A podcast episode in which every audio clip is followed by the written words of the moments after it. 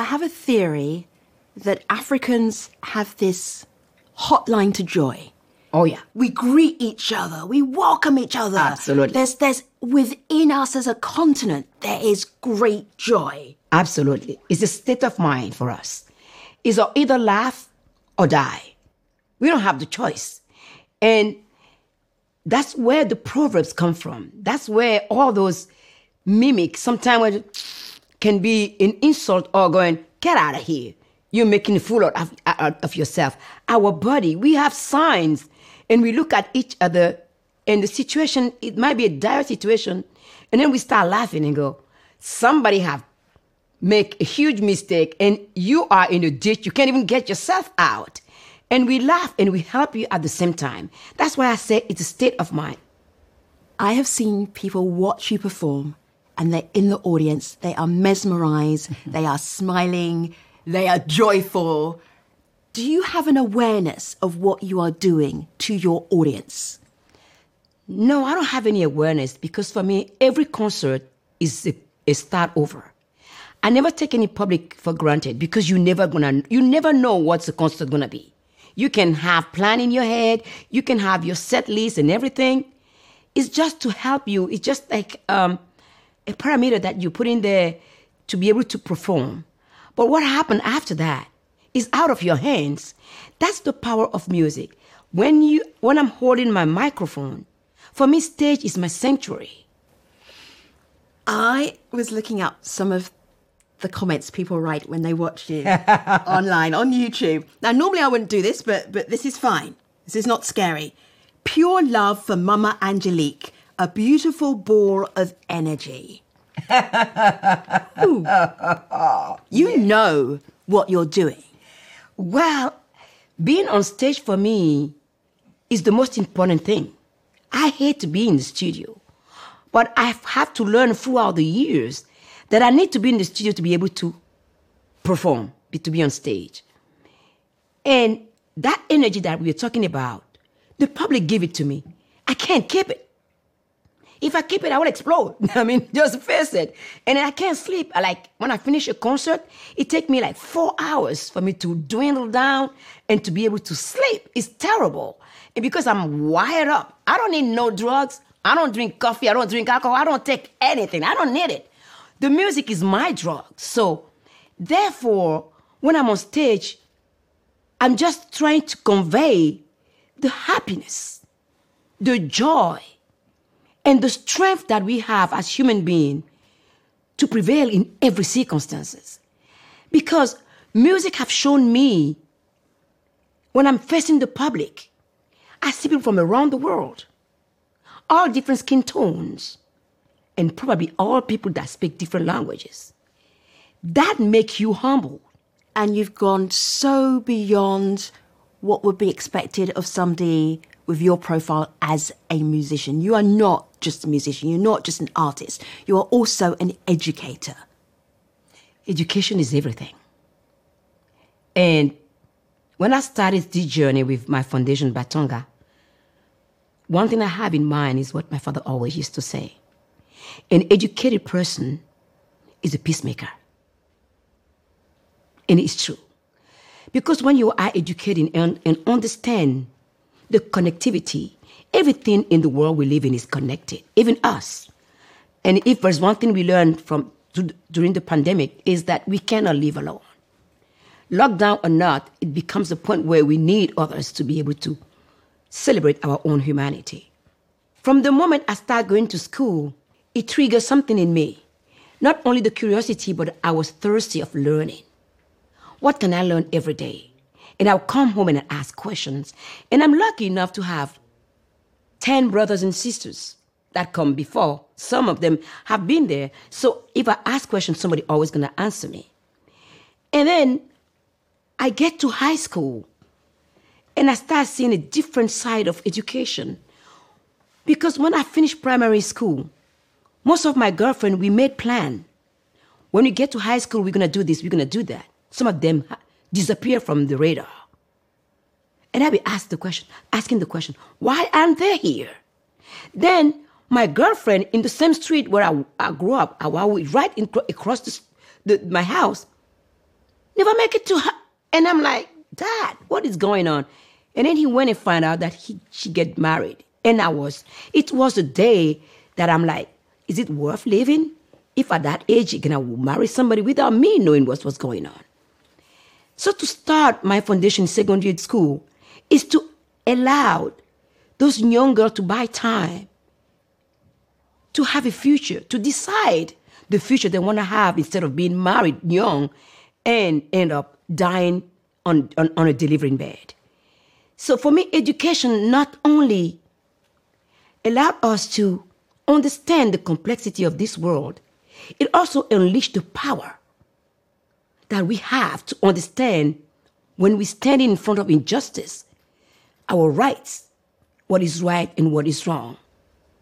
And when it comes to women, especially in the continent of Africa, I've started realizing that the vision of my father for women is totally different from the vision of the father of my friends. Because when I got to their home, I couldn't speak because it was not allowed. You have to be given permission to speak. While in my house, you have something in your mind, go right ahead. Somebody gonna answer you. And I start seeing the differences and I said, how we can how can we break this cycle of always women have to be the one that get quiet and men speak up when even when they're saying nonsenses. The Batonga Foundation, it creates opportunities for women and girls. It creates a future for them. It sounds easy the way I've just said that. Creates opportunities, women and girls. easy. But it's not. It is not. Can you give us an example of your advocacy work that has been difficult, but you've worked through it and you've seen success and happiness the other side? The hardest thing when I started was not being able to get the girl to speak. It was breaking my heart. What is your name? There's no answer. They look at you like. And I'm like, why? Why? Tell me what you need. I'm here to help. I'm not going to tell you what to do. From the day they realize and have confidence that I'm not here to judge the choices. Some of them were already mothers. And you have a lot of pride when you're talking to underprivileged people. Because I decided from the get go to work the dirt road where no one wants to go. Because that's where you have fewer opportunities. And I was not going to let those girls be marginalized and left in, in, in, the, in the limbo. So from the moment they start speaking to me, is the moment I start seeing how we can move forward together. So we start doing, as an organization, we needed a data, right? Because I've done it 10 years to sending people to high school, they end up in university, all that kind of stuff. But I wanted to understand why and the reason of the dropout of the girls. So through that, we find out many different reasons. One of the reasons of the dropout is that in primary school, the teacher were not good enough. So they didn't have the tool to succeed in secondary school. And there's so much humiliation you can go through when you, you appear to be a stupid person. And you're not stupid, you just don't have the tools. Then you drop out.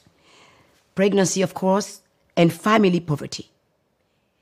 And one thing that come out of that data collection is all of the girls say we need a safe space. We need a place where we can talk to one another and we can work together and support one another. I say it's done. So we start creating the girl club and build an, a, a curriculum based on their need. And they ask to be taught how to prevent rape. How can they run away? How can they do things? So we come up with simple thing. Don't go out when it's getting dark. When you're walking and you have a, a shadow behind you and you feel uncomfortable, don't start, don't try to be courageous. Don't try to be daring. Run away. And we prepare the village. If a girl comes to the house, keep her there until the family member can come because there's a danger in the street. So we start the whole thing like that. What is going on today that I'm really proud of is that those young girls are becoming entrepreneur and creating jobs. They are in total control of what they do with their money. They decided they're gonna save money. It's not me. For the children not to go through this again. What they want is to break the cycle of poverty. The next step that I'm taking is to go to the northern part of my country, Benin.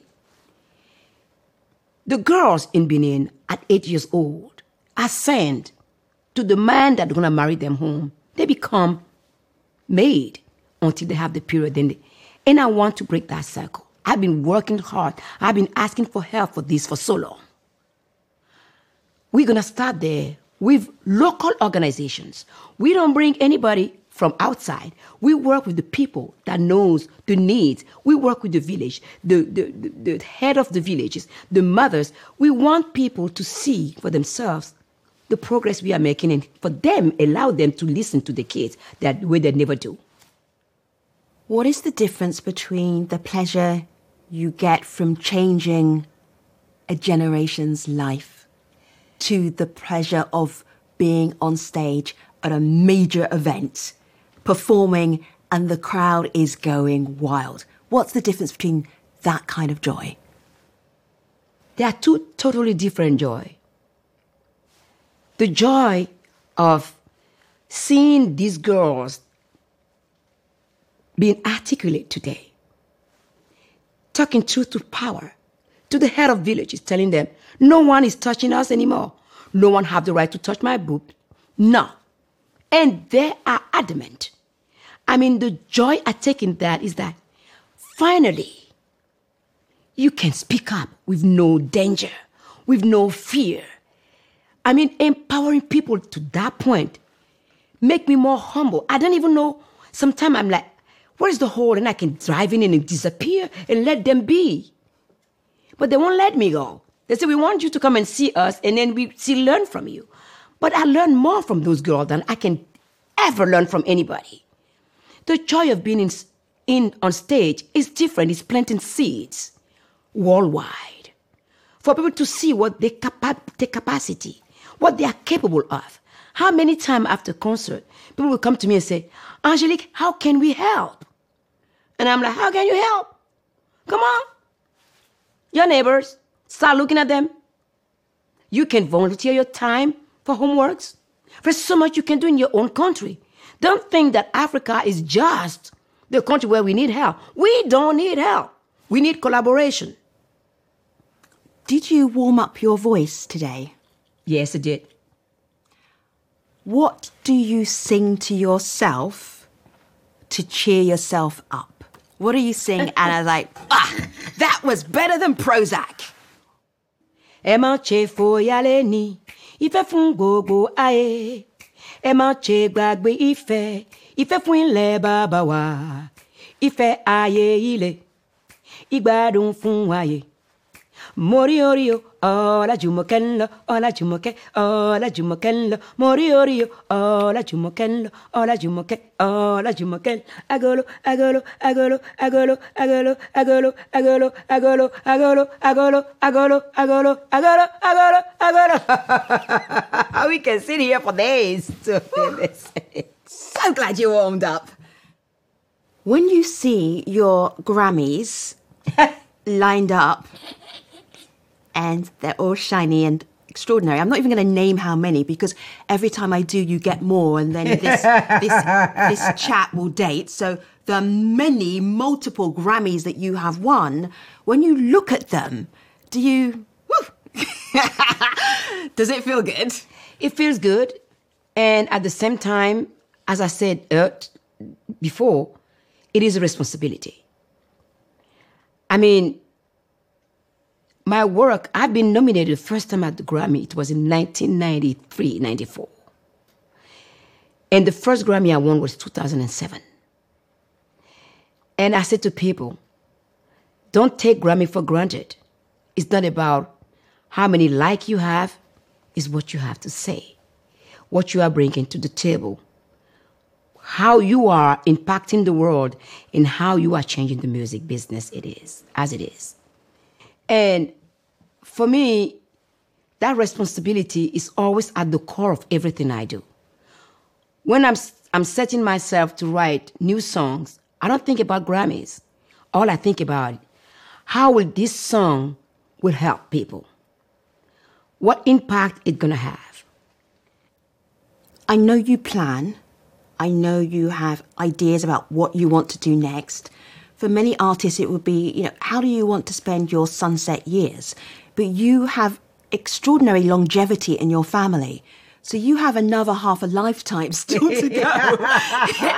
we are going to be going to a hundred year old Angelique Oh, Kidjo concert, and you're still going to be, let's go. yeah, I'll be running around. So it feels kind of weird to talk about legacy, but what do you want people who follow your work, admire your work, see joy in your work? What do you want them to take away from it? Well, what I want people to take away from my work is their own worth, people's worth. We have too many people that think that they are worth nothing. And that's hurt me, that hurt me. And when you give birth to a child, when a human being is coming out of your body, everything changes. Priorities, what matters, you learn to go to the core of things.